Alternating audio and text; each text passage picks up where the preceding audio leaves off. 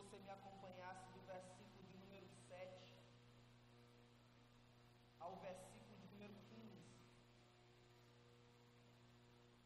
Gênesis 2, versículo 7, nós iremos ler juntos até o versículo 15, diz assim a palavra do Senhor.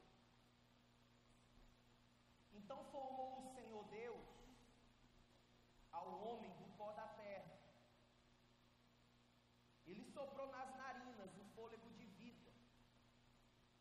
o homem passou a ser alma vivente. E plantou o Senhor Deus um jardim no Éden, na banda do Oriente, pois nele o homem que havia formado. Do solo fez o Senhor Deus brotar toda sorte de árvores, agradáveis à vista e boas para alimento, e também a árvore da vida no meio do jardim, e a árvore do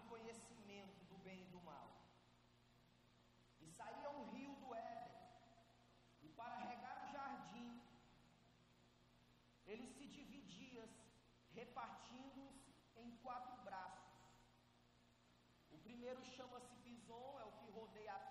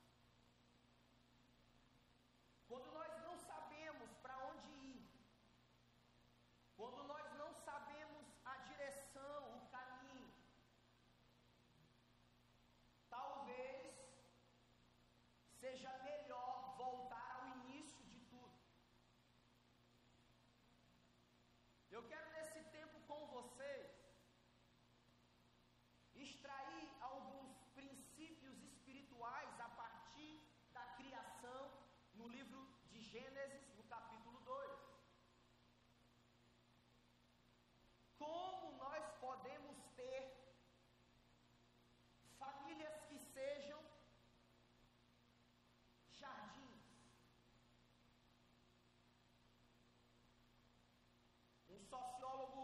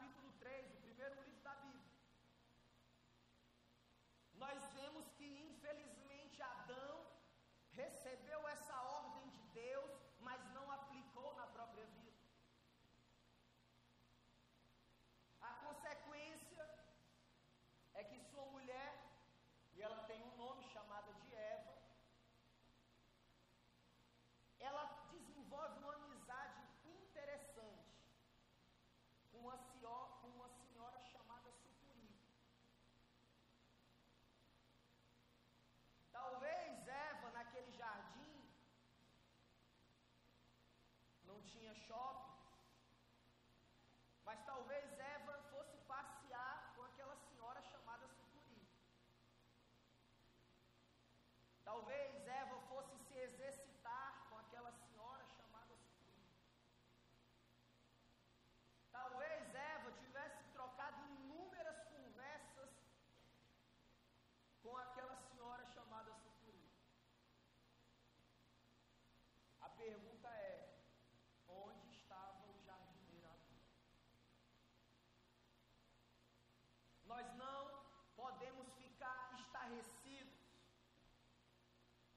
Quando nós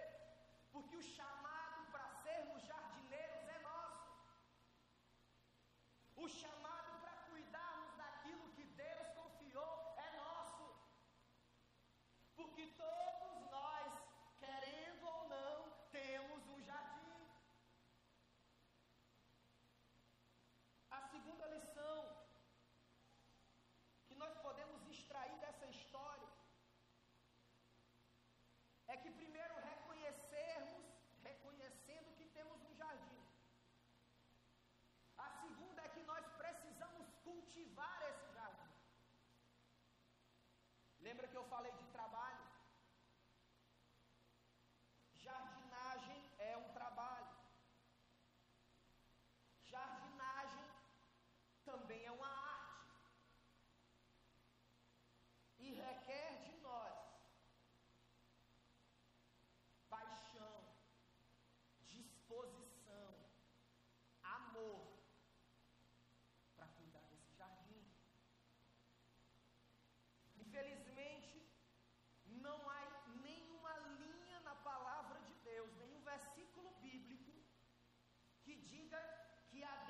cultivou já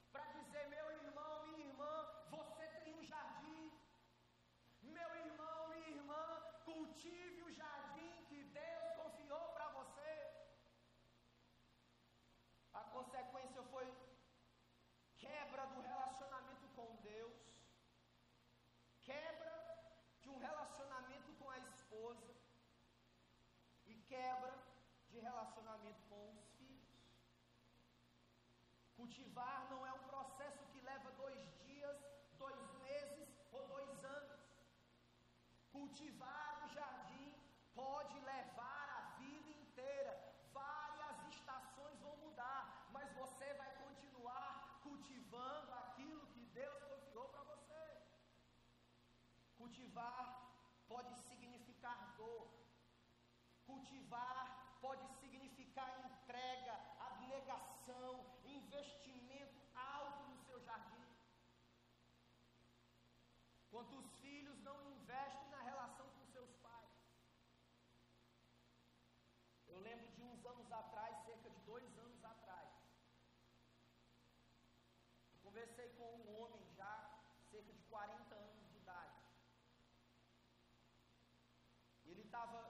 possivelmente esgotado fisicamente, cansado nas suas emoções, ferido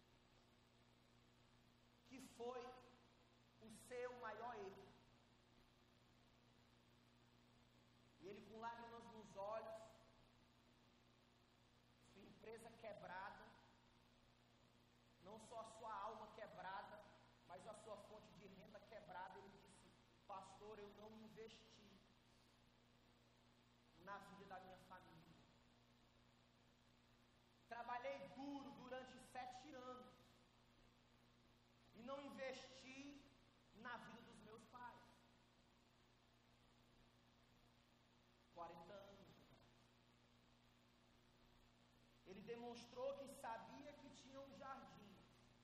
Ele demonstrou que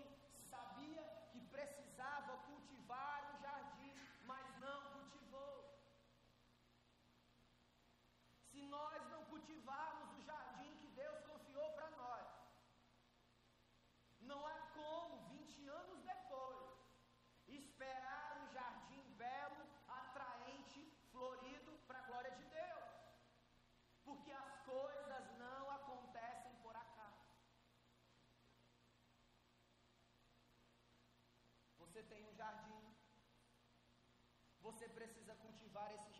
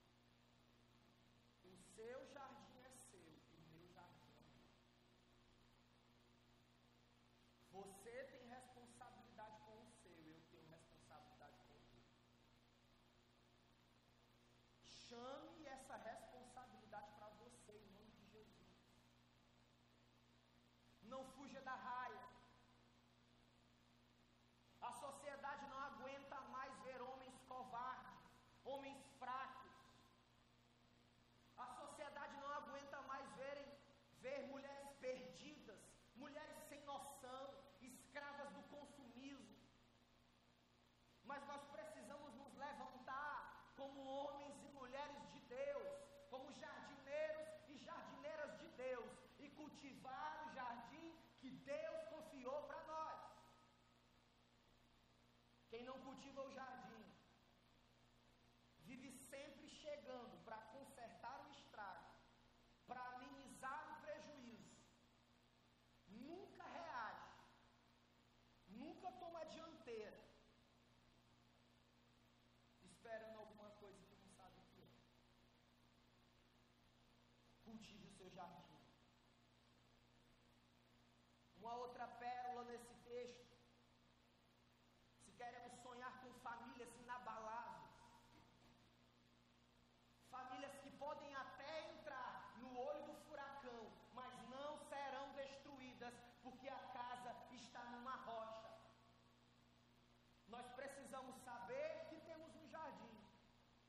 cultivar o jardim e guardar o jardim.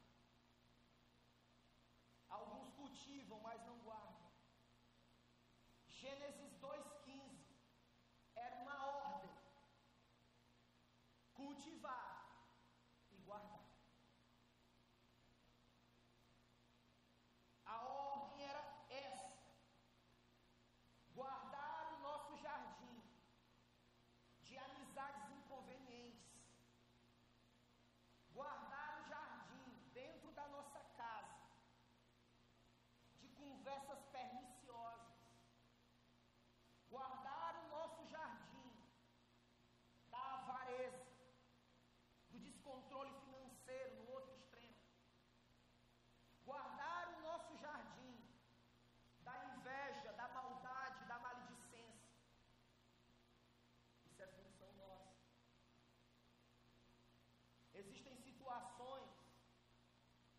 raisons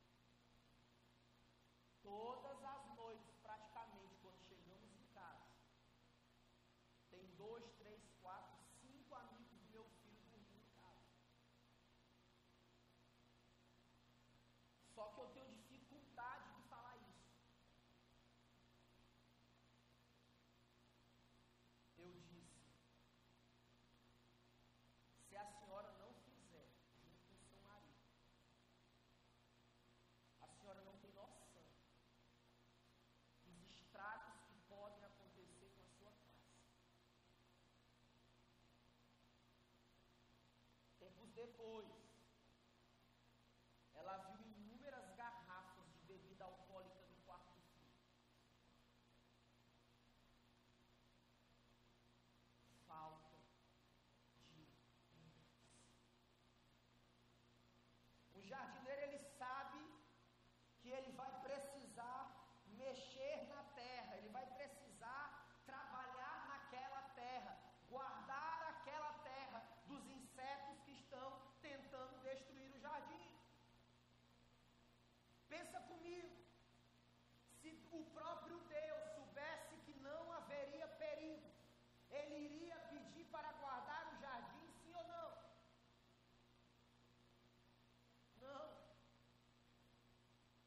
criar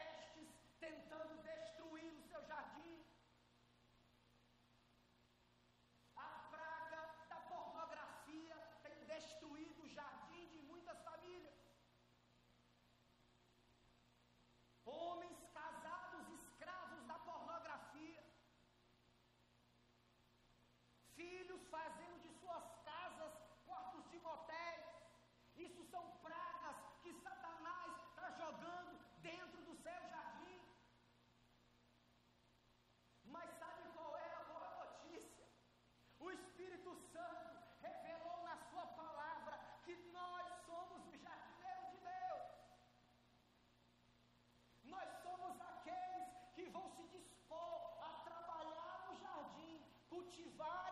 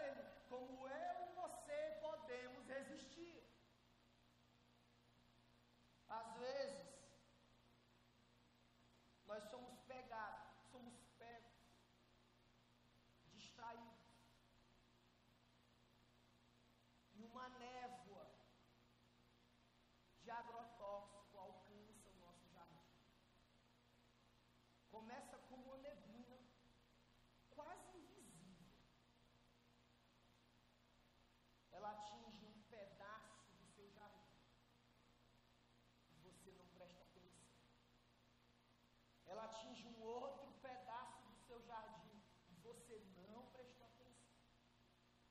Até que ela vem e destrói o seu jardim. E aí você presta atenção.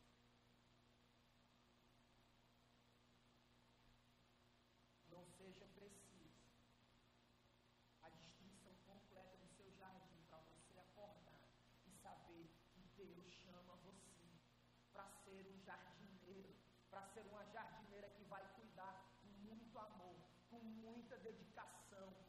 fidelidade, com santidade, obediência àquilo que foi confiado para você.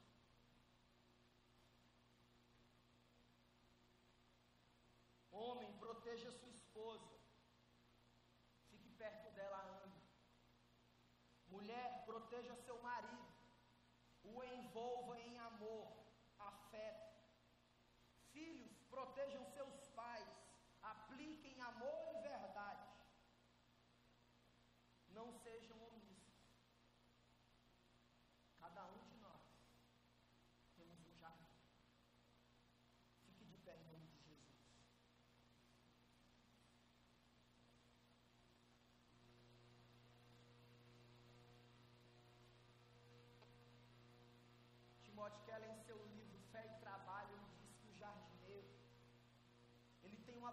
Scratch.